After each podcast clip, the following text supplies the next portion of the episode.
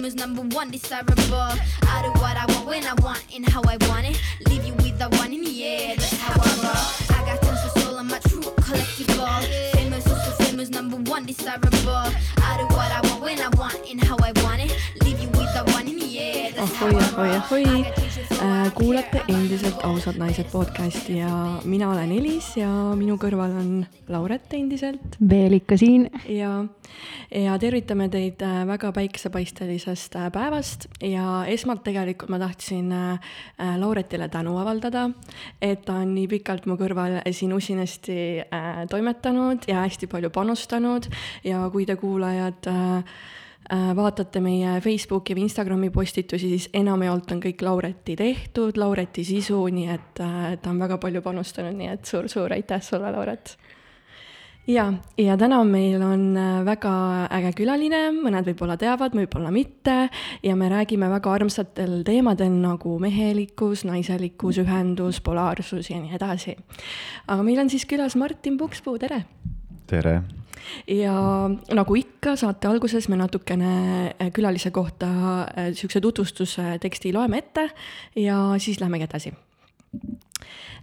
Martin Pukspuu on personaaltreener, kes tunneb, et maailm vajab rohkem ausust, eelkõige ausust iseenda vastu. kui olla aus iseenda vastu, tuleb automaatselt ausus ka teiste vastu. Martin õpib end päev-päevalt aina enam tundma ja viimasel ajal pakuvad talle eriti huvi inimestevahelised suhted. samuti lisab ta, et kõik saab loomulikult alguse suhtest iseendaga. ta on ka selle aasta Ühenduse festivali üks korraldajatest, millest ka siis äh, räägime saate jooksul lähemalt. aga äh, alustamegi siis sellest, et paljud võib-olla ei teagi, et kes sa oled, mõned äh, meie kuulajad on kuulnud Ausad mehed podcast'i on ju, et sa oled nendest üks saatejuhtidest. Et aga kes on siis üldse Martin Pukspuu?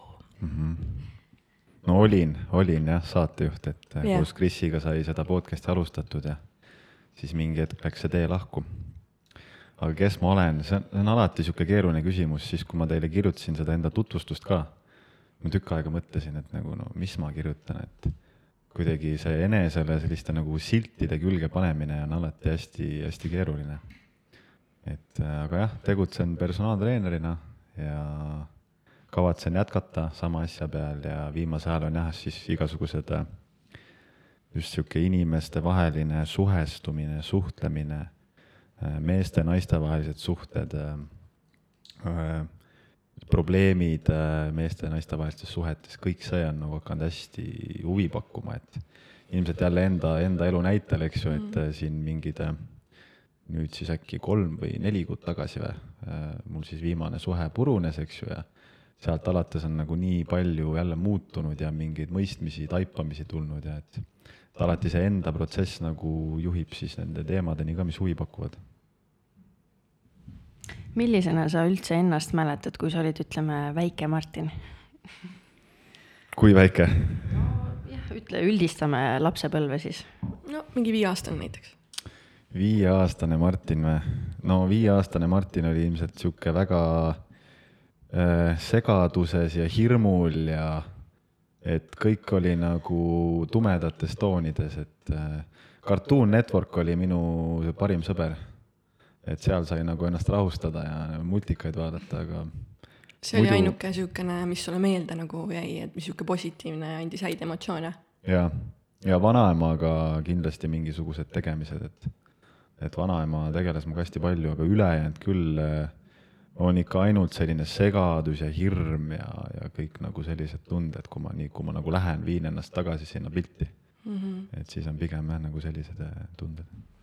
kas sa tunned, et äh, alates sellest hetkest need samad tunded äh, kandusid ka ütleme praegusesse ellu, et sa tunned neid samu tundeid nagu praegu? noh, jaa, tunnen küll, eriti näiteks äh, täna öösel. Oli üle pika aja selline, ütleme siis mingid nii valusad kohad kuskilt sügavalt sisimast tulid üles, et ma magasin kaks tundi täna öösel. ja ma nagu kannatasin reaalselt niimoodi, et ma ei olnud ammu vist tundnud ennast nagu nii suures äh, hirmus ja sihukeses üksinduse tundes. Et äh, kui muidu üldiselt jah, vaadata nagu seda sihukest sisemise arenguprotsessi, siis äh, seda hirmu, mida ma kogesin lapsena, seda jääb aina vähemaks. aga seda ikkagist vahepeal nagu hoogudena viskab sisse ja, ja, ja eile, eile oli siis jah, juhtumisi just üks, üks kogemus, kus äh, mõtlesin küll öösel, et no mis nüüd toimub, et kuidas ma jälle nagu siin, siin kohas olen, neid asju kogen, et mm. -hmm, väga palju resoneerun, sest et äh, just viimased kolm päeva mul ka, noh muidugi kuulajad ei saa aru, sest et see läheb muidugi kunagi juuni lõpus meil üldse sisse, on ju. aga peale seda kuuvarjutust, mis oli mm, no ma ei tea, kas see on nagu umb-, nagu sellega seotud, aga reaalselt kõik siuksed vanad sopid, varjuküljed, kõik tulid nagu suure litakaga lihtsalt ja väga intens, jah et seda võin öelda, et jaa, ka mul nii nad räägivad ja, et praegu pidi mingi jõhker transformatsiooni aeg olema, et, et jah, minul ka kohe kindlasti ikka väga-väga intensiivne aeg olnud jah, aga mind huvitab näiteks see, et kelleks sa tahtsid üldse väiksena saada, et kas sa tahtsidki personaaltreeneriks saada või olid sul mingid teised unistused? ma ausalt, ma isegi ei mäleta, kelleks mm. ma tahtsin saada et äh, absoluutselt puudub igasugune mälu või teadmine, et mul oleks olnud üldse mingi sihuke kindel unistus, et ma mäletan, kui ma olin äh, veidi mm, no ütleme seal juba siuksed algklassid, siis ma tean, et ma tahtsin sportlaseks saada vist. ma tahtsin äh, lumelauduriks saada ja sihuke ekstreemsport nagu alati pakkus huvi mulle. et seda, sealt ma küll mäletan, aga kui ma nagu päris väike olin seal jah, mingi enne kuuendat eluaastat, siis ma arvan, mul ei olnudki mingeid siukseid unistusi et võibki öelda, et siis need ähm, noh, ebameeldivad kogemused nagu panid nagu, et nagu selliselt tundma, et noh, ei ole mõtet unistada? kusjuures see on hea küsimus. praegu ma hakkasin ise ka mõtlema sellele, et võib-olla kuna esimesed viis eluaastat olid nagu nii sellised äh, hirmust kantud, on ju, et puudus see kodurahu, puudus see armastuse keskkond mm, -hmm. et siis täitsa võimalik ja, et mul ei saanudki nagu tekkida üldse mingit niisugust vaba energiavoolu, et nagu unistada et alles, äh, kui vanemad lahku läksid ja mingisugune kodurahu tekkis, on ju, et siis alles nagu hakkasid nagu tekkima mingisugused jah, unistused, et kusjuures eh, ma mäletan mingi hetkeni oma elueas, ma mäletasin oma, ütleme seda täitsa pisikest lapsepõlve, ütleme seal null kuni mingi ajani. aga mingi hetk need kadusid täiesti ära niimoodi, et kui ma peaks praegu mõtlema, siis ma arvan, mu esimesed mälestused on seal, ütleme esimesest klassist. et kuidagi ka mu mälu nagu töötab niimoodi, et kui on mingid traumaatilised kogemused või mingid siuksed asjad, mis panevad nagu põntsu, siis üks hetk aju lihtsalt otsustab need kustutada ja seal on nagu must auk, et sa ei teagi, et seal oleks nagu midagi olnud. et see on hästi huvitav, aga ma küsiks, et millise õppetunni võtad sina oma, ütleme, ellu kaasa siis suhtest vanematega hmm.?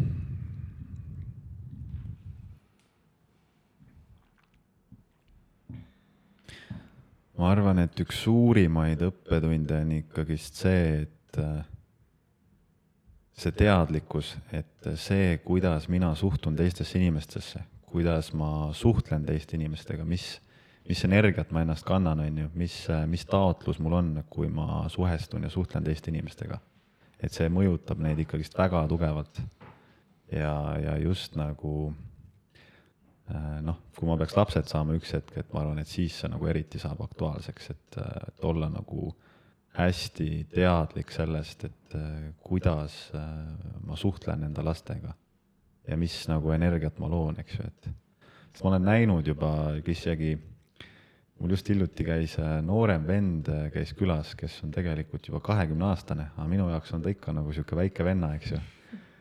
ja, ja märkasin, kuidas ma läksin nagu temaga suheldes täiesti enda isa mustrisse tegelikult. just selles osas, et äh, tegelikult oli nagu sihuke soov kuidagi pakkuda talle sihukest nagu vennalikku lähedust, et noh minna, ma ei tea, koos sinna diivani peale, on ju, niimoodi panna käsi ümber näiteks, vaadata koos mingeid Youtube'i videosid, mis ta mulle seal näitas. ja ma ei suutnud teha seda. ma ei suutnud teha, ma istusin täpselt samamoodi, nagu mu isa alati istus niimoodi, käsi ühe põlve peal, niimoodi distantsil, on ju, ajasin juttu ja siis nagu mõtlesin enda sees, et täitsa vahel, nagu täpselt nagu mu isa praegu.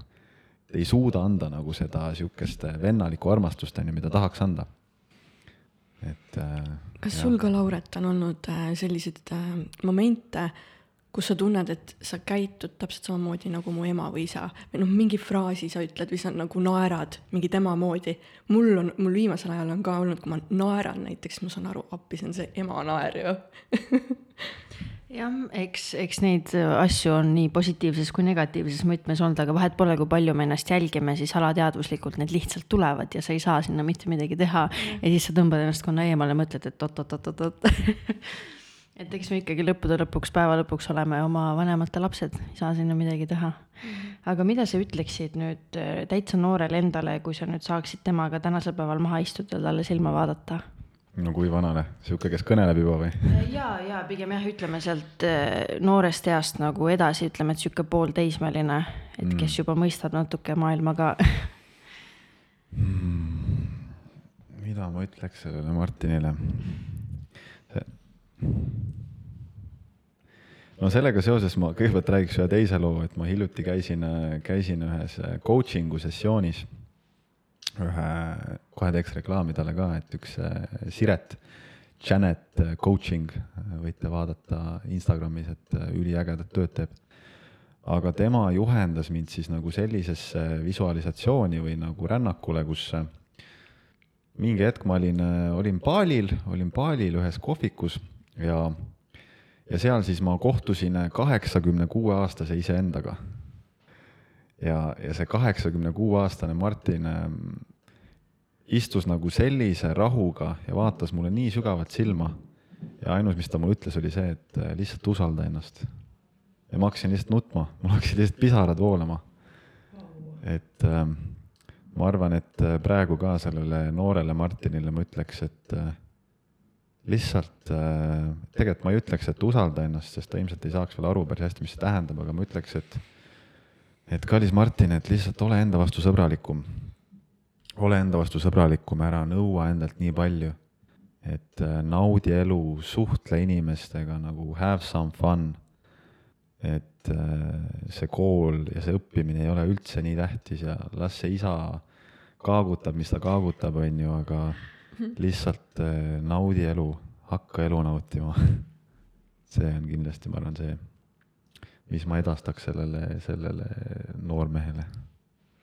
see enesepiitsutamise teema on ka nagu nii ähm, noh, mul ka sihuke omane, et mul nagu inimesed ütlevad, et lase nagu vabaks ja, ja võta nagu vabamalt ja ei ole vaja ennast nii palju nagu nii-öelda hurjutada, kaikaid kodaratesse panna, et äh, et see on ka oskus nagu, et seda märgata ja, ja siis äh, nagu tuua ennast nagu kohale ja tagasi aga jällegi, kui sa oled nagu noor inimene, siis see on kuidagi ikkagi nagu osa sellest, et ma mäletan, kui ma olin teismeline, keegi ütles mingi, et ah, et mingi, mida sa muretsed, et mingi ole, ole positiivne, noh, see oli viimane asi, mis mulle üldse mõjus nagu, et see on ka kuidagi mingi etapp, mille sa pead ikkagi nagu läbi tegema, et äh, muidu ei jõuaks siia punkti jaa, aga lähme siis uue huvitava teema juurde nagu mehelikkus ja naiselikkus uh..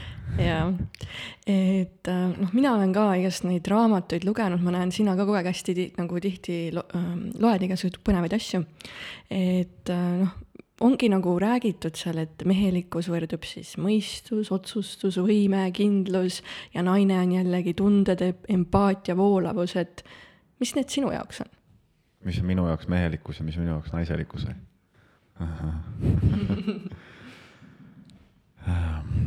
ega ma ütleks, et ma ei olegi enda jaoks nagu paika pannud mingit kindlat definitsiooni nagu emmale või kummale, et pigem ma lihtsalt iga hetk võib-olla tunnetangi, et äh, milles ma nüüd parasjagu huvitav olen siis, et kas ma olen äh, pigem nagu sihukeses mehelikus energeetikas või pigem naiselikus. ja ma arvan, et see pigem eriti just nagu äh, naistega suheldes on see, kus ma nagu seda tajuma hakkan, et muidu võib-olla ei mõtlegi sellele nii palju. aga mehelikkus, noh, pigem ma ütlekski, et minu jaoks naiselikkus on nagu kogu selline intuitiivne pool, kõik see tunnetuslik pool, kõik selline loodus, see elu ise meie ümber on nagu naiselik, on ju, kõik selline, mis voolab ja samal ajal võib olla täiesti tormine ja ettearvamatu, eks ju ja, ja mehelikkus ongi siis selline, see kalju, on ju. Need konstruktsioonid, struktuur, selline otsustavus, sihikindlus, selline kindlas suunas liikumine um,. ja ka siis see mõistuse, mõistuse kasutamine, et mõistus on ikkagist pigem ma ütleks selline mehelik aspekt mm. -hmm. Sa mainisid, et ütleme, kui sa naistega suhtled, siis sa mõtled ka, et kumb pool sinust nagu domineerib, et kuidas üldse siis toita enda sisemist naist ja sisemist meest, et kuidas neid hoida hmm.? Mm -hmm.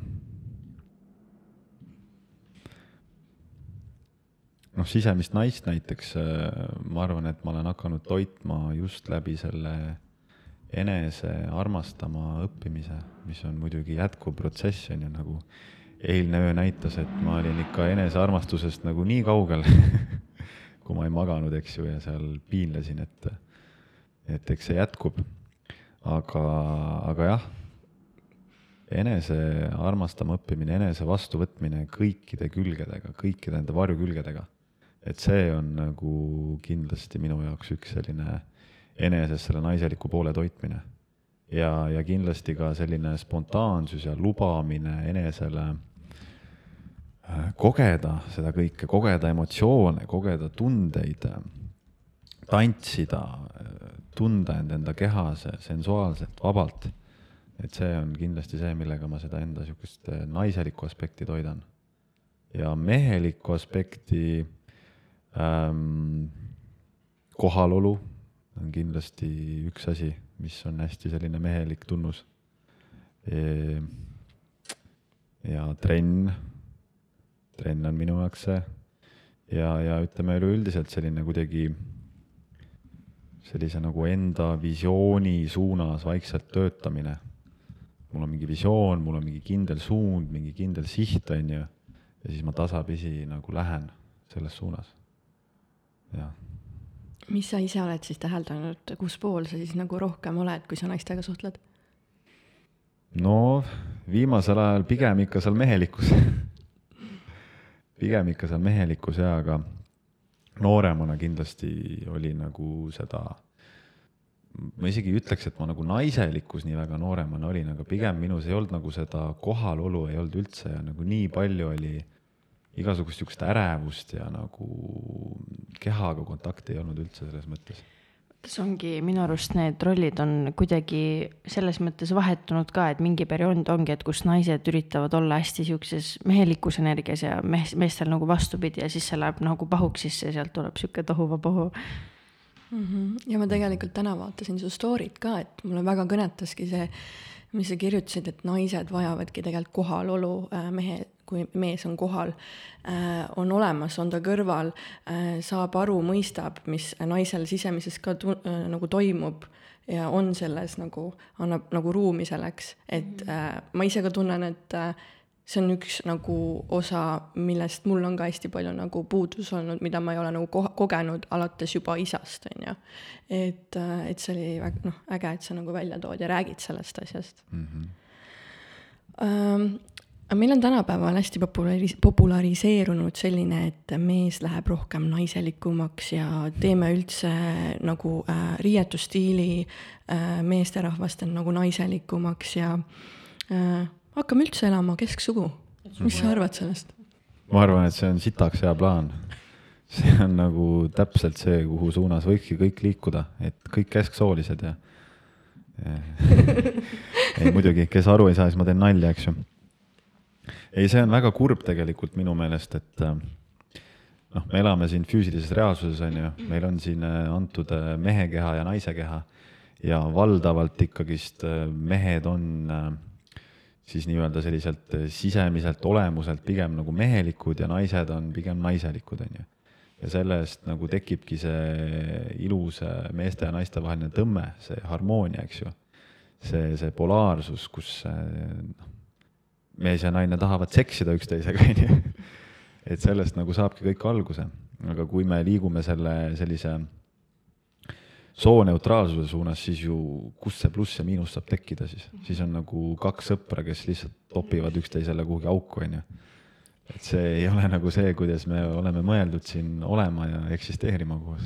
ma kuskil nägin hästi ilusat mõtet ka, ma ei mäleta, kus oli, et kui äh, kui maailmas ei oleks seda, et siis meeste seda energiat ütleme, juba aegade algusest peale üritatakse seda alla suruda ja, ja ära tappa, et kui seda ei oleks tehtud, et siis mehed, meie maailmas olevad mehed ei oleks lubanud seda, mis meil praegu siin maailmas toimub mm. -hmm. et see oligi see üks plaan, miks seda mehelikkust kogu aeg nagu alla surutakse ja vastupidi ja et äh, praegu on nagu naised tervenenud ja nüüd nais-, äh, mehed vajavad nagu rohkem yeah. seda tervenemist, ma olen nagu aru saanud, vaata Andero rääkis ka meie saates on ju, et jah. ja seda ma olen ka kuulnud äh, mitmetelt naistelt, et kuidagi naised on hakanud nagu massiliselt ärkama ja mehed kuidagi lohisevad järgi, on ju, et jah, täitsa nõus. no loodame, et neil ka lähevad pirnid põlema. küll naised ka oma tiiva alla võtavad kõik mehed aga see ongi see probleem, et nagu ma täna oma story's ka nagu välja tõin, et naised on nii väsinud sellest kuradi emme rollist, onju. Ja see tiiva alla võtmine ongi ka see onju, oo pojakene, tule onju, las ma aitan sind, tule, tule ka sinna kursusele, lähme käest kinni, onju. aga see ei toimi niimoodi mm. nagu meil meestel, meil peab endal tekkima see arusaam, et fuck, et ma olen nagu mehena kadunud, onju. ma ei suuda naisega luua polaarsust enam, ma ei tea, naine ei taha seksida minuga enam, onju, et mis nagu, mis nagu toimub, mis nagu juhtunud on ja nagu iseendast peab hakkama otsima seda äh, seda viga, et see üldiselt see ei toimi niipidi, kui naine nagu võtab mehe käe kõrvale onju ja noh, et lähme. eks see emme roll äh, väga süvendab seda ka, et naine tegelikult ei saa ennast tunda naisena, et muidugi naisel peavad ka olema eesmärgid ja iseseisvus ja badass, aga ikkagi ta tahab tunda seda, et tema eest hoolitsetakse ja tema kõrval on sihuke kindel kalju, kellel ta saab toetuda, et tema on nagu pisike sihuke lilleke, tema kõrval on sihuke tugev mees. et see on ju tegelikult see, mis seda looduslikult toidab, et see kaotab selle rolli ka nagu ära mm. -hmm. on olnud endal ka mingi selline suhe, kus äh, tundsingi, et äh, issand, ma lähen ema rolli täiesti mingi, et kas sa ikka selle pileti ostsid ja. seal ja kas sa ikka selle bussipiletist oled ostetud ja siis mul oligi, et mida äkki, ei, cancel lihtsalt ja ähm, aga kuidas äh, sinu arust saavad mehed ja naised teineteist kõige paremini ning empaatilisemalt mõista, et oleme ju nii erinevad, mis loobki ju selle võlu ja mm -hmm. vastupidi, võib ka muud luua, kuna äh,, kuna ei saa teisest, teineteisest aru, küll aga jah. no esimene mõte, mis mul pähe tuleb, selle ma nüüd kuskilt olen varastanud kindlasti, ma ei mäleta kellelt, aga et äh, naisi ei saa mõista meie meestena, me saame naisi ainult armastada ja see on miski, mis minuga nagu aina rohkem resoneerub, et muidugi, kui me võtame sellise mõistuse tasandi konteksti, on ju, et a la mingi töökeskkond, on ju, siis me suhtleme kõik nagu sellelt mehelikult tasandilt, on ju, oleme analüütilised, kasutame mõistust. aga kui me lähme nüüd ikkagi sinna mehe-naise nagu niisuguse intiimelu tasandile, on ju, paarisuhte tasandile, siis kõik minu katsed nagu naist lõpuni mõista mõistuse tasandil tavaliselt lõpevad nagu frustratsiooniga ja arusaamatusega, et mis nüüd toimub, miks, miks see naine nüüd niimoodi reageerib või mis, mis nüüd juhtus. et ikkagist äh, naisi saab jah, minu kogemusel küll ja ainult äh, armastada. kui ma istun selles enda, enda kohalolus ja ma äh, võtan selle naise nii-öelda energeetiliselt ka iga, iga oma keharakuga vastu, eks ju, siis ma nagu näen, suudan nagu aru saada, et ma ei peagi mõistma seda naist, ma lihtsalt hoian ruumi mm, -hmm. lasen tal avaneda, eks ju, ja võtan selle kõik vastu, mis sealt tuleb. Vot äh, mõned äh, mehed ei olegi endast seda empaatilist osa üldse avastanudki, nad ongi ainult sealt mõistuses ja, ja ei saagi aru, et, et mis see naine nagu tahab üldse et, äh, et on ainult mõistusega loob suhted ja hästi struktuuritud ja ratsionaalne, on ju, aga siis nagu naine tunnebki, et äh, ma, mind ei ole nagu, et inimene ei ole mulle kohal ja noh, siis ongi vaata, see ongi see ka, et võib-olla mehed tunnevad, et, et, et kõike on vaja nagu lahendada, aga tegelikult üldse ei ole vaja kõigele kogu aeg lahendust leida, et see on mm. asi, mis teistpidi ajab nagu rohkem narru, et ma arvan, et sa tahad tegelikult lihtsalt seda, et äh, keegi oleks kohal ja kuulaks sind kõigega ära nagu, et sa ei pea kõike fix ima hakkama mm. -hmm. ja Just. eriti naisi, nagu eriti see naiste fix imine ei lähe kohe mitte nii lihtne on sinna nagu lõksu kukkuda, et see on ju nii kuidagi loomulik, et noh mis see lahendus siis on, mis see lahendus on? jaa, et äh, meestel tuleb see hästi intuitiivselt, on ju, et äh, kohe, et mis see lahendus seal taga on, et miks sa mulle räägid seda, on ju. Mhm. et aga tegelikult naine tahabki läbi selle seda lähedust ja empaatilisust nagu luua seal, vaata. aga mina küsiks, et mis sinu jaoks üldse suhe on, kuidas sa seda defineeriksid? paarisuhe siis või? jah.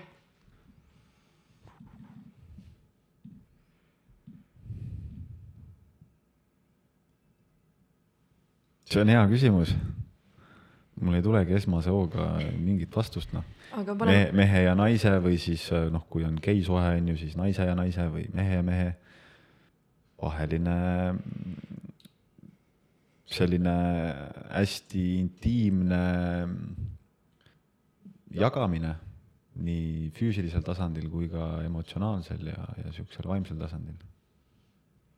Üldse elu, elu jagamine on ju mm, -hmm. igas tasandil mm. -hmm. Mm. mulle meeldib see, küsi see jah, mina tahtsingi küsida, et hästi palju teemasid on, selle, sellest räägitakse ka hästi palju, et öeldakse, et selleks, et minna nii-öelda tervesse ja täisväärtuslikku suhtesse, siis eelkõige sa pead ikkagi iseendaga tööd tegema, et leidma rahu ja leidma kohalolu ja kasvama ja parandama katkised kohad, et muidu sa hakkad neid nagu teisest inimesest otsima. aga küll ma, küll ma olen nagu kuulnud ja ma tean, et seda kõike tegelikult saab teha ka koos kasvades nii-öelda sinu partneriga, et mis sina sellest arvad?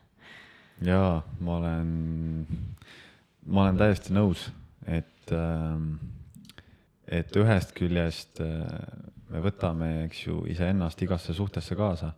et kõik need meie lapsepõlve haavad, need traumad, need äh, mustrid, on ju, need projektsioonid, äh, kus me otsime enda partnerist siis mingit neid külgi, mis jäi nüüd isalt ja emalt saamata, on ju, et me kõik selle võtame kaasa suhtesse ja mida nii-öelda paremas suhtes me iseendaga oleme ja need teemad äh, lahendanud oleme, on ju, seda, seda lihtsam on nagu partneriga, aga teisest küljest no minu kogemus näitab äh, ka ikka ja jälle, et äh, üksi võin ju tunda juba, et voh, nüüd ma olen nagu tehtud vend, on ju.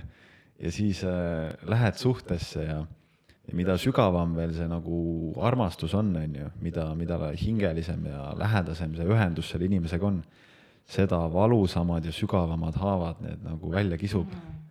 et selles mõttes küll mulle tundub, et see, kui ikkagist minna päriselt suhtesse ja lõpuni end avada, siis see töö on nagu vältimatu. tuleb selleks valmis olla, kui sinna astuda, on ju. Mhm. et endale väga ausalt tuleb otsa hakata vaatama, sest partner näitab juba mm -hmm, näpuga, et eks see ole selles mõttes lõputu töö ka, et kui sa nüüd arvad, et sa oled nüüd hiilinud ja terviklik inimene, siis. Äh, elu näitab kohe. just, et suhe on ikkagi nagu lõputu töö ja et ei ole nüüd nii, et me üks päev otsustame, et okei okay,, alates tänasest päevast on kõik hästi, et nii nagu ka ei toimi. ja vaata, see võib olla jälle see, et inimesel on plaan, on ju, et mm -hmm. äh, nüüd on kõik hästi, aga siis jumal naerab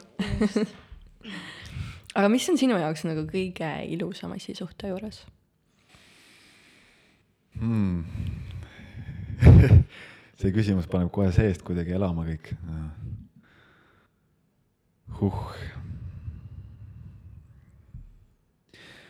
no ma ei tea, ma olen selline, selline füüsiline tegelane et äh, ikkagist see, see intiimsus ja see lähedus ja see, see, mida on võimalik nagu kogeda teise inimesega koos olles äh, lihtsalt, äh, ma ei tea, kallistades, energiat vahetades, äh, suudeldes, seksides, et see, need nagu kvaliteedid ja need nagu hingesügavused ja, ja erinevad nagu aistingud kehas ja see selline ük-, ühte sulamine ja kõik, mis, mis sealt nagu avaldub, et see on ikkagist minu jaoks, ma arvan, see kõige, kõige nagu ilusam, ilusam asi suhte juures ja, ja kuidas siis nagu kõik selle energia, mida nagu koos saab luua, on ju, kuidas siis selle saab nagu võtta kaasa enda igapäevaellu ja nagu sellise armastuse tunde pealt siis nagu minna vastu oma päevale, et see on,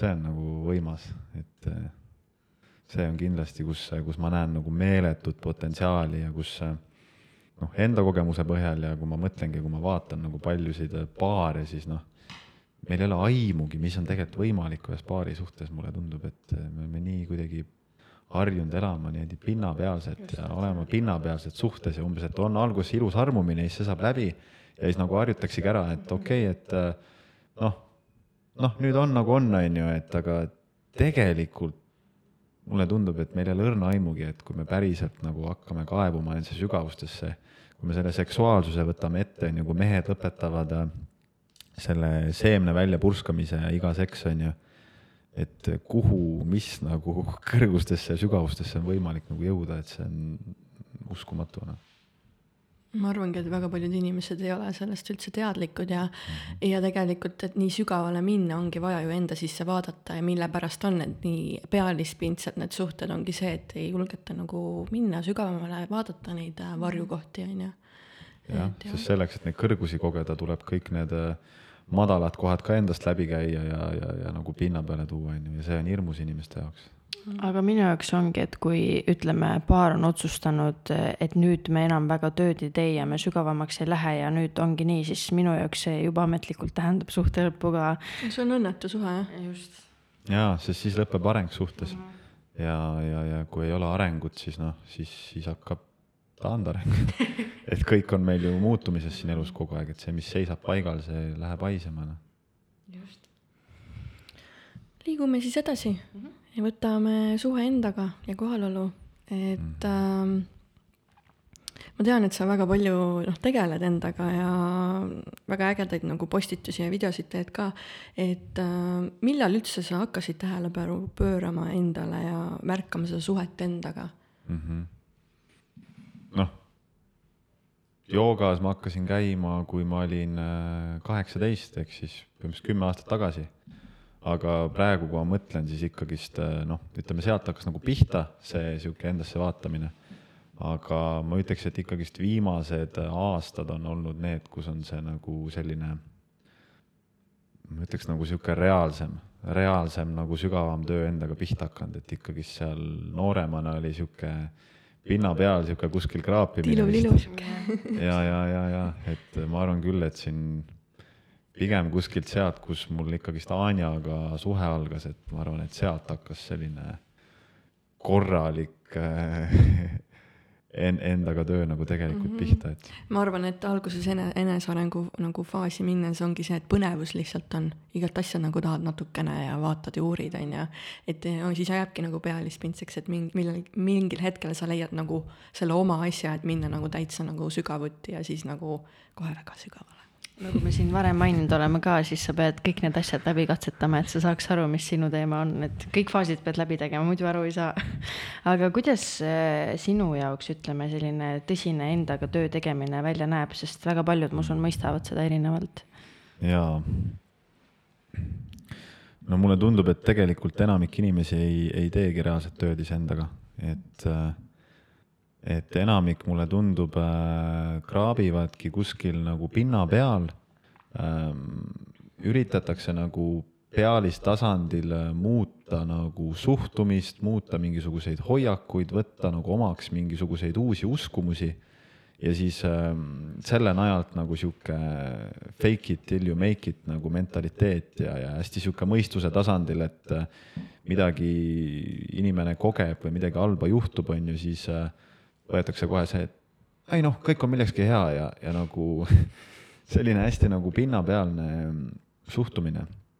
ja samamoodi, kui ma vaatan kõike seda niisugust vaimset maastikku, et igasugused äh, isegi tantraringkonnad ja joogaringkonnad ja, ja, ja kõik selline, et seal on ka minu meelest ikkagist väga palju sellist äh, et ei ole seda reaalset tööd tegelikult iseendaga mm. et kõik on happy, happy ja noh, sihuke veits new age mm. -hmm.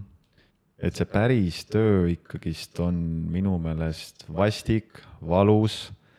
Ähm, see on nagu põhimõtteliselt mingi osa endast nagu sureb, see on, see ongi nagu see ego surm, et äh, ja see, ja see eeldabki seda, et äh, ma hakkan päriselt äh, vastu võtma kõike seda, mida ma kogen, ma hakkan päriselt neid tundeid, mida ma tunnen hetk-hetkelt endale tunnistama kõiki neid nõrku kohti, kõiki neid varjukülgi hakkan vastu võtma, märkama ja, ja, ja lubama endal kogeda nagu lõpuni läbi, nagu raku tasandil kõik asjad. ja see on nagu valus, see on valus protsess, see ei ole fun, see ei ole fairy tale, see ei ole äh, mingi ühtsusega ühendumine, on ju, et jah, see kaasprodukt, on ju, selle protsessi käigus on kõik need ägedad kogemused, aga, aga, aga see reaalne töö on ikkagist enamasti selline pigem nagu kiht kihi haaval mingisuguse naha maha koorimine endalt, et. No see ongi see, miks on nii palju nagu sellist fake it until make it on ju. Et äh, et lihtsalt ei taheta nendele halbadele tunnetele üldse otsa vaadata ja siis öeldaksegi mõistusega, aga mul on kõik korras, mul on hästi kõik mm, -hmm. fine. aga tegelikult endal sees mingi täiega kri-, kriipib, on ju. Mhm. just mm,. aga miks on siis suhe endaga oluline hmm.? noh, me elame ju iseenda sees me elame iseenda sees, iseenda kehas, enda ähm, tunnetega, enda egoga, enda sellise unikaalse paketiga, on ju, uskumustest ja programmidest ja, ja sellisest äh, energeetilisest nagu elutunnetusest, mis me justkui vanematelt äh, kaasa saime, on ju ja, ja kui see filter, läbi mille me nüüd äh, kogeme kõike, on nagu must ja tolmune ja depressiivne, siis päris raske on ka neid teisi inimesi enda ümber äh, näha kuidagi ilusates värvides, on ju. et, et, et sellepärast ongi, et kui, kui ma nüüd hakkan puhastama seda enda filtrit, on ju, ja see enda filter muutub juba selliseks, et sealt hakkab mingeid värve ka läbi tulema, siis ma hakkan nägema neid värve ka teistes, on ju, sest et kõik, mida ma endas ei suuda näha, kuidas ma seda siis teistes suudan näha, et ma kogen ju kõiki läbi iseenda tegelikult. et äh, mul on nagu noh, mõtlen selle eilse eilse öö peale ka onju, kus ma ei maganud ja siukse, sihukeste teemonitega võitlesin, et et äh, noh, ongi see tunne, et ähm, ma nagu vihkan ennast, onju, endaga on nii raske olla ja, ja siis, kui ma mõtlengi mingite lähedased, lähedaste inimeste peale või, või, või, või, või kalli inimese peale, siis on ka sihuke tunne, et tema ka ilmselt vihkab mind ja ja, ja sest, et ongi, et sellel hetkel, kui ma ennast ei armasta, kuidas ma saan tunda, et keegi teine võiks mind üldse armastada. Nii et sellepärast see suhe iseendaga ongi see, millest nagu kõik saab alguse. Nagu meile ju Marii Joala ütles ka saates, et elus ei ole mitte ainult suhted teistega, vaid kõik su elus on suhe, suhe tööga, perega, armastusega, rahaga, iseendaga, et elu koosnebki ainult suhetest põhimõtteliselt.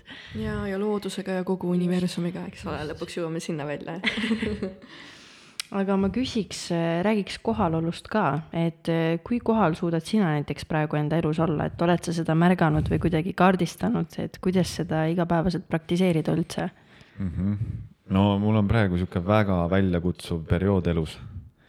et äh, kohati on väga raske kohal olla, et äh, kohati ikkagist need äh, hirmud äh, sealt mõistuse tasandilt, et mis saab ja, ja tulevik ja need ikka võtavad nagu üle päris korralikult vahepeal.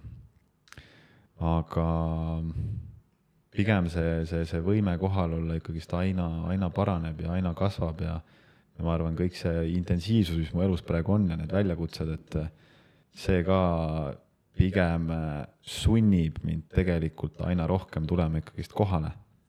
sest ma saan aru, et asjad ei ole niimoodi minu kontrolli all, nagu ma arvan, et nad on. Ja et ainus, mis mul nagu üle jääb, on tegelikult alistuda sellele, mis toimub ja, ja olla kohal siin ja praegu meil praegu on, noh, meil on Netflixid, meil on hästi suur infovool ja seda, neid, seda infot tuleb uksest, aknast, igalt poolt, et äh, mis sina arvad, äh, kuidas nagu hoida selles kohalolu ja mis nagu veel nagu segab, äh, segab kohalolu ka? kõik segab, noh. ongi sama, nagu sa välja tõid, on ju, sotsiaalmeedia, Netflix sotsiaalmeedia ongi üles ehitatud äh, puhtalt sellele, et äh, saada su tähelepanu ja, ja, ja jätta sind sõltuvusse sellest, on ju. ja et me ei oleks kohal iseendaga ja,. jah, jah, ja noh, kõik, kõik, kõik tegevused, mis tegelikult äh, viivad meid eemale sellest praegusest hetkest, on ju, on ju tegelikult takistused, et et ma ise just olengi hästi teadlikult hakanud nagu jälgima hetk-hetkelt, et et mida ma teen, et miks ma nüüd näpin seda telefoni või, või, või kas ma päriselt tahan mingit muusikapala kuulata või, või või, või mis iganes, et, et ikkagist hästi palju on seda soovi nagu kogu aeg põgeneda, põgeneda hetkest, põgeneda nendest tunnetest, mis kuskil sisimas peidus on. et ma olen jah nagu hästi-hästi palju hakanud viimasel ajal lihtsalt äh, märkama ja üritama nagu jääda kohale. et ei tegele enam selle nii-öelda, oled märganud enda neid automaatkäitumisi äh, mm. -hmm. et äh, kui nagu võtad selle muusikapala, et kas ma nagu reaalselt ka tahan kuulata, on ju. Ma olen märganud ka seda, et meid on kuidagi nii kaugele viidud sellest, et tänasel päeval tegelikult on, on normaalsus see, et kas sa mõtled tulevikule, et mis mul nüüd homme või ülehomme tuleb või sa mõtled sellele, et oh my god, mis siis toimus. et kuidagi see on normaalsusega see, et istuda maha kasvõi tunniks ajaks ilma telefonita, see tundub nii ulme, et nagu miks ma seda tegema peaks, lihtsalt vaatan lageve. aga see ongi tegelikult kogu selle asja võlu ja ma tunnen ise ka endal vahepeal, et ma olen kuidagi nii kinni selles, et okei okay,, mis mul nüüd uus nädal toob, mis mul on vaja siin teha või mõtlen, et kuidas mul uus nädal oli, et kuidagi lihtsalt olla, sest et praegu ei ole ju homme ega eile, praegu on ju praegu, et see on tegelikult nii loogiline, aga me oleme ikka kuidagi nii kaugel sellest.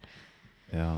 no jah, see mõistuse, no see reaalsus, kus me elame, see ma, äh, nagu vajab veits sellist nagu planeerimist, on ju äh,, no nagu mingisuguseid aja nagu noh ongi ajakulu, kuhu paned, on ju, et siis see natukene nagu nõuab seda, aga muidugi jah, et jätta ikka aega endale ka, ma arvan. Äh, palju sina üldse sotsiaalmeediat siis päevas kasutad?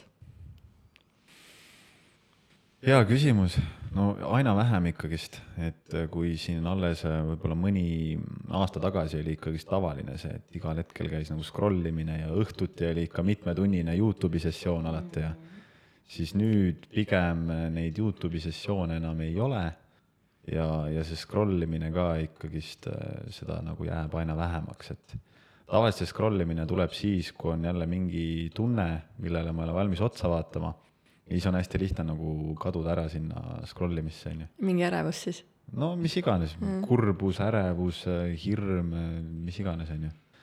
aga, aga pigem jah, kui mul on ikkagist endaga hea olla, siis, siis see scroll imine, seda on ka nagu aina vähem, et mm ja ma, ma jälle toon enda sisse mingi toon siin kogu aeg, aga ja et äh, et ma ka äh, tegin täitsa otsuse, et ma kindlaid inimesi ainult jälgin, kes mulle nagu sümpatiseerivad, kes mind inspireerivad ja rohkem ma ei scroll'i ja Instagram on üldse jäänud väga tahaplaanile, nii et võib-olla nädalas mingi kaks korda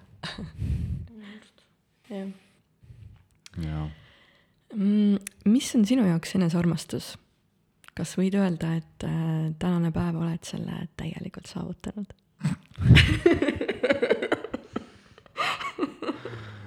ei, ei, ei, sinna on ikka palju minna veel, aga, aga suur, suur töö on ära tehtud. kahju, et me ei saanud videoklippi panna sellest näoilmest, kui Elis selle küsimuse ära küsis.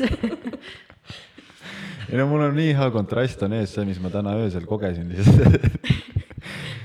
Aga, aga jah, ei, väga suur töö on ikkagist ära tehtud selles mõttes, et see, mis ma, see, mis ma nagu kogesin äh, ütleme, üles kasvades ja, ja kasvõi ma ei tea, kahekümnendate algus, see, kui palju minus oli ärevust, kui palju minus oli nagu mingisugust hirmu, kui palju oli seda, et ma ei suutnud äh, lõdvestuda enda kehasse, ma ei suutnud inimestele silma vaadata, ma,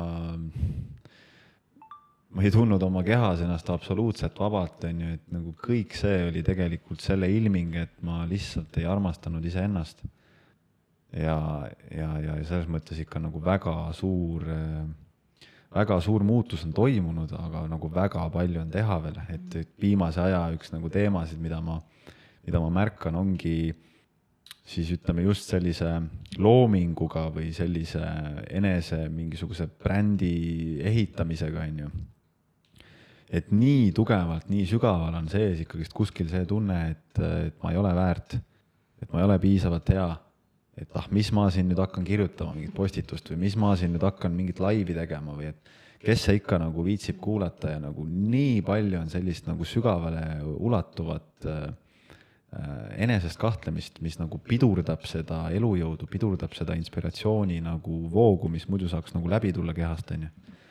et see on nagu viimase aja teema, mis ma olen hakanud nagu märkama, et vau, kui sügavale see ulatub, kuidas ma nagu saboteerin iseennast. Kas see enda saboteerimine ongi siis ütleme, see peamine põhjus, mis seda enesearmastust nüüd pidevalt lõhub, et tegelikult enamus ju peitub ainult meie peas. et eh, mis need siis põhilised asjad on, mis meil seda enesearmastust nagu ploki ette panevad? noh, ongi kõik need, kõik need uskumused, mis meil on nagu kaasa võetud äh, elu jooksul ja põhiliselt lapsepõlvest on ju, et noh, minul oli, eks ju, lihtne, et äh, isa ei näidanud kunagi mingit armastust mulle välja ja noh, ta ei osanudki, ta lihtsalt ei osanudki teistmoodi, on ju. sest et teda ennast ei olnud armastatud. ja, ja siis noh, kui ma juba vanem olin, siis oli ka ainult nõudmised, on ju, et õpi hästi, kõik peavad neljad-viied olema tee kodutööd ära, aita mind, niida muru ära, on ju, nii edasi, nii edasi, nii edasi. et noh, mis ma sealt siis kaasa sain võtta, oligi ju see, et ahah, füüsilist lähedust ma ei saanud, järelikult ma ei ole seda väärt. Eh, kogu aeg pidin tegema asju, ei, ei suunatud mind mõtlema sellele, et mida ma tegelikult teha tahan, vaid just kogu aeg, mida ma pean, on ju. ja noh, tulemus ongi siis see, et ahah, mul ei tohigi olla enda unistusi, enda soove, kogu aeg pean midagi tegema pean kellelegi meeldima, onju. ja noh, sealt oligi, tulemus oli sihuke nice guy, kes ei suutnud naistega suhelda, onju, kes äh, teiste meestega oli raske, onju, ja nii edasi, kõik sihuke elujõud ja power ja selline asjade ärategemine ja noh, siiani see protsess on ikkagist nii tugevalt käimas, lihtsalt väga palju muutunud nüüdseks, et no see on jälle seesama teema, mida me oleme nii palju siin äh, saadetes käsitlenud, et ühiskonna poolt äh, jälle mingi seatud ootused ja siis äh, lihtsalt tee nüüd nii. ja, ja me, me ei tunne iseennast, me, me ei tunne iseennast ja, ja enamik inimesed elavadki täiesti zombi moodis ju mm. -hmm. Neid juhivad nagu sada protsenti need programmid, mis on kaasa tulnud. inimesed öö, ostavad omale, ma ei tea, asju nad ei mõtlegi, miks, lihtsalt mul on seda vaja, teistel on ju ka, naabril on ju ka. ja, ja kõige crazy im ongi see, et ega ma ise ka märkan, et ikkagist noh, see, see, see mõjutab nagu paratamatult. Vaatad jälle, keegi sõidab mingi uhke Audiga mööda, persse, miks mul ei ole veel, eks ju, kuradi sitt olen, pean rohkem tööd tegema, on ju, või miks ma nüüd siukseid valikuid olen teinud või? Ja siis nagu tegelikult hakkan analüüsima, küsima endalt, kas mul on olnud kunagi prioriteet see Audi saada. ei ole ju. Miks ma siis üldse nagu võrdlen ennast, on ju et äh, see on nagu, see on crazy, kui sügavale see ulatub kõik tegelikult. vaata, see ongi minu arust see võrdlemine on nii meie kultuuri juba sisse juurutatud, et praegu see ongi normaalne, et ilmselt kaheksakümmend protsenti inimestest ei ostaks endale mingit uhket autot, kui seda ei oleks kellelgi teisel, neil oleks täitsa pohhui sellest, et me just äh, see roboti, me just Elis, vaata sinuga rääkisime sellest, kui hirmus on see, et ütleme, kui sul ongi mingi periood, kus ei ole kõik hästi ja sa teed mingit tööd, mis sulle ei meeldi, see on kõik okei okay,, aga tähtis on aru saada, et sa ei jää sinna. aga et kuidagi inimeste jaoks on nii lihtne, nelikümmend aastat sa teed samad tööd, sa lähed samasse koju, samad inimesed, sa vaatad iga päev samu uudiseid ja sa oled mingi, et okei okay,, et ma nüüd lepin, et ma suren ka nii, nagu minu jaoks on see nagu mingisugune foobia ausalt öeldes mm, -hmm. õudne mm. -hmm mul oli nüüd mingi mõte, aga läks ära, et äh, jah, et see juurutamise teema oli nagu, sa ütlesid midagi. aga okei okay,, no liigume edasi, siis tuleb äkki pärast.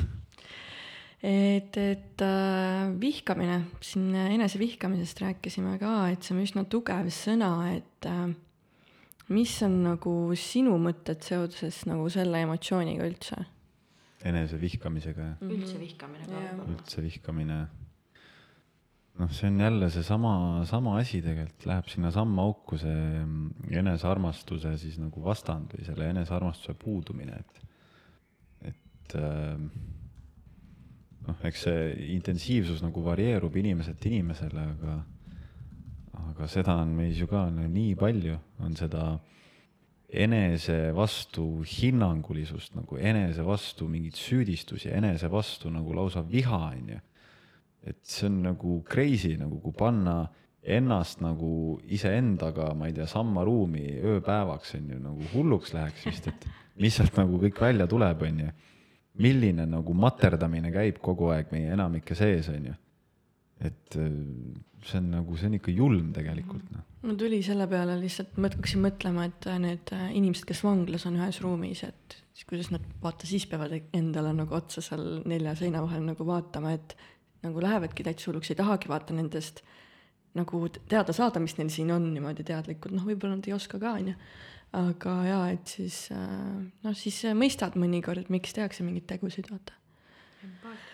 Jaa, ennem ma tahtsin tegelikult öelda veel seda, et äh, seesamune süsteem, mis juurutab seda üksteise võrdlemist, äh, see juurutabki nagu sellele ebakindlusele ja selle ebakindluse pinnalt me ostamegi neid asju mõtlematult. jah, täpselt nii. täpselt. Äh, aga lähme, räägime sellest circling ust ka, kas sa tegeled veel sellega? ikka mm. -hmm. ma tean jah, et sa oled hästi entusiastlik olnud selles äh,. räägi üldse, mis see circling on, et äh, võib-olla meie kuulajad ei tea. jaa oi, circling on imeline praktika. mul muidugi just hiljuti taipasin, et mul see esimene armumine nagu läks üle selle praktikaga. et nüüd mingi, ma ei teagi, kaua ma seda praktiseerinud olen, siis mingi kaks aastat, üle kahe aasta või.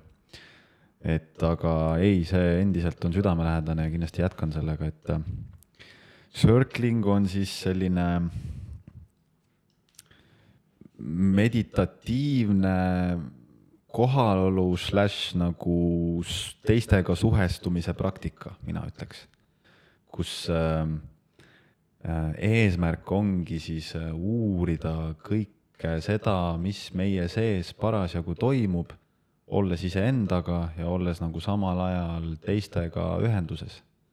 et see ongi nagu see turvaline ruum, kus hakata siis märkama, et äh, mida ma päriselt kogen, mida ma kogen keha tasandil, mida ma kogen äh, jah, keha ja sellisel aistingute tasandil, et mitte nii väga selle mõistuse tasandil.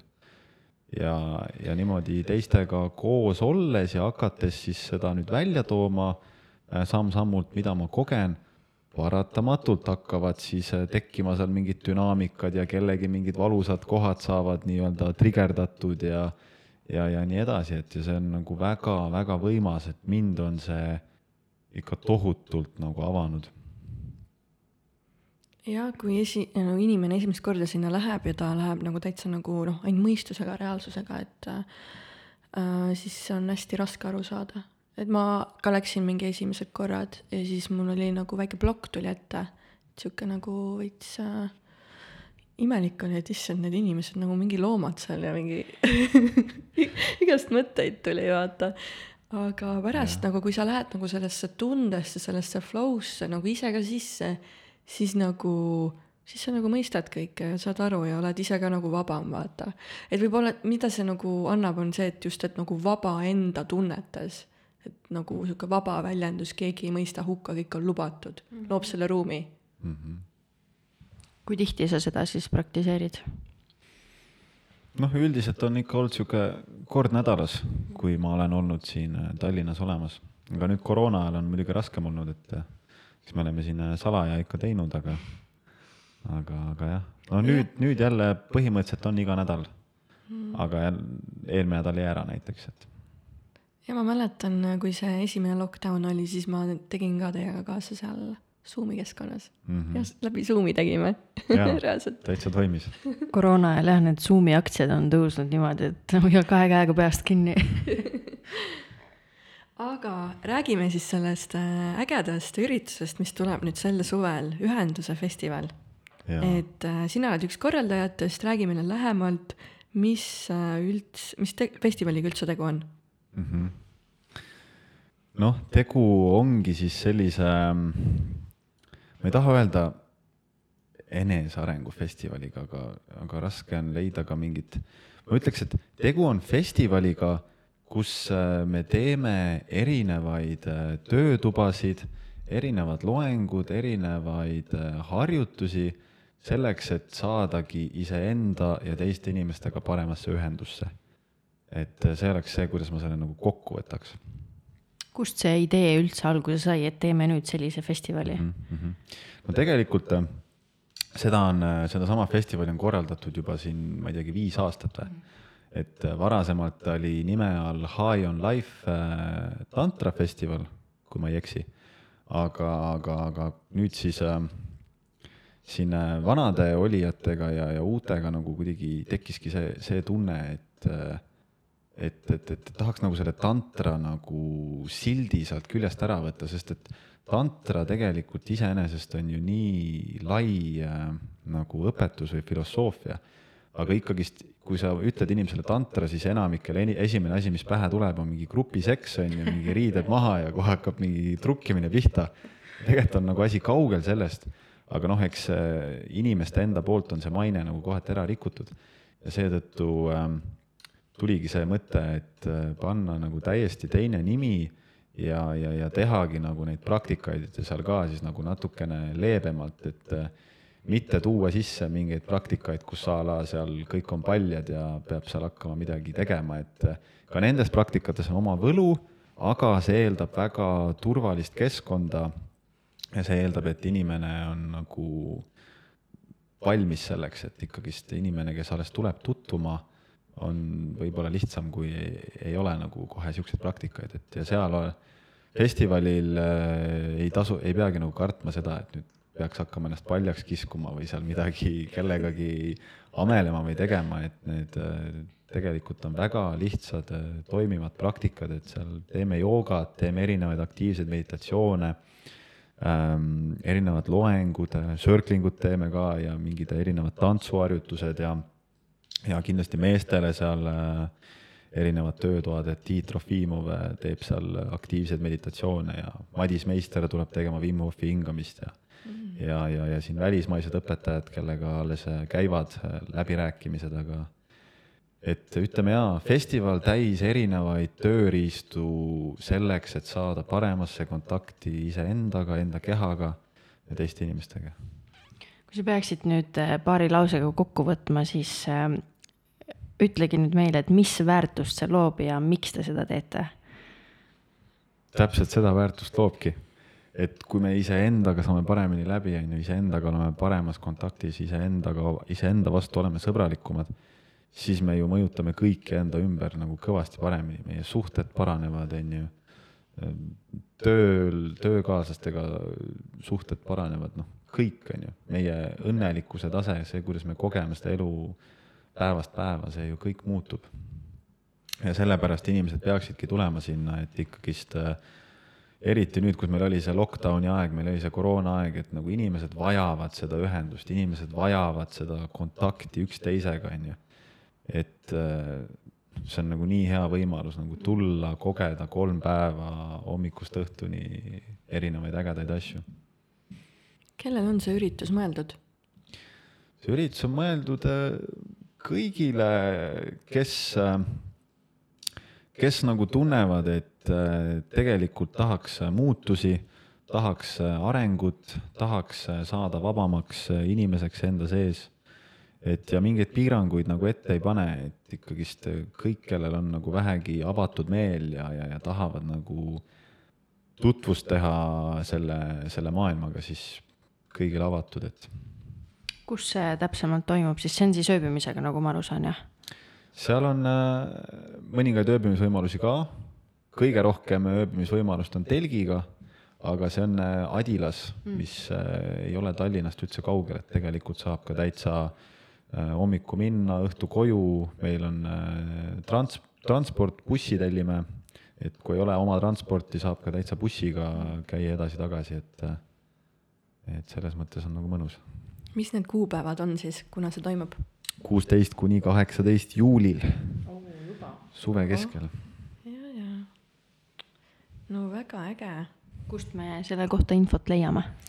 jaa, äh, meil on koduleht www.ühenduses.ee, samamoodi Facebookis on äh, siis äh, üleüldine Facebooki leht, milleks on siis ühenduses High on Life festival ja siis on ka siis see nii-öelda ürituse leht on ju, ehk siis äh, ühenduses äh, iseenda, teiste ja universumiga.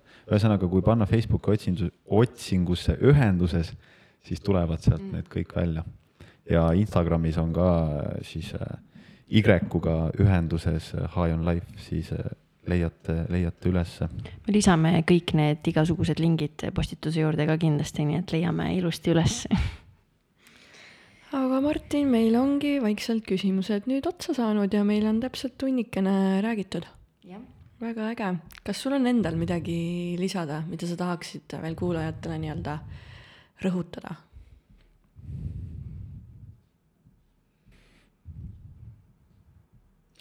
ei taha, mul on kõik öeldud tegelikult. aus, aus. Väga täpselt tunni sisse mahtusid ka, aga mina ka eraldi veel tänaks, väga-väga äge ja silmi avav ja inspireeriv saade tuli ja see on nii lahe, et lisaks naistele meil mõne noormehega on, tekitab sihukest väga mõnusat balanssi, et minu poolt suur aitäh. ja mina ka väga tänan, et sa tulid jagama oma mõtteid, oma äh, elu keerdkäike, et äh, väga nagu avardav, avardav ongi just kuulata meesterahva vaatevinklit. hoopis teine asi.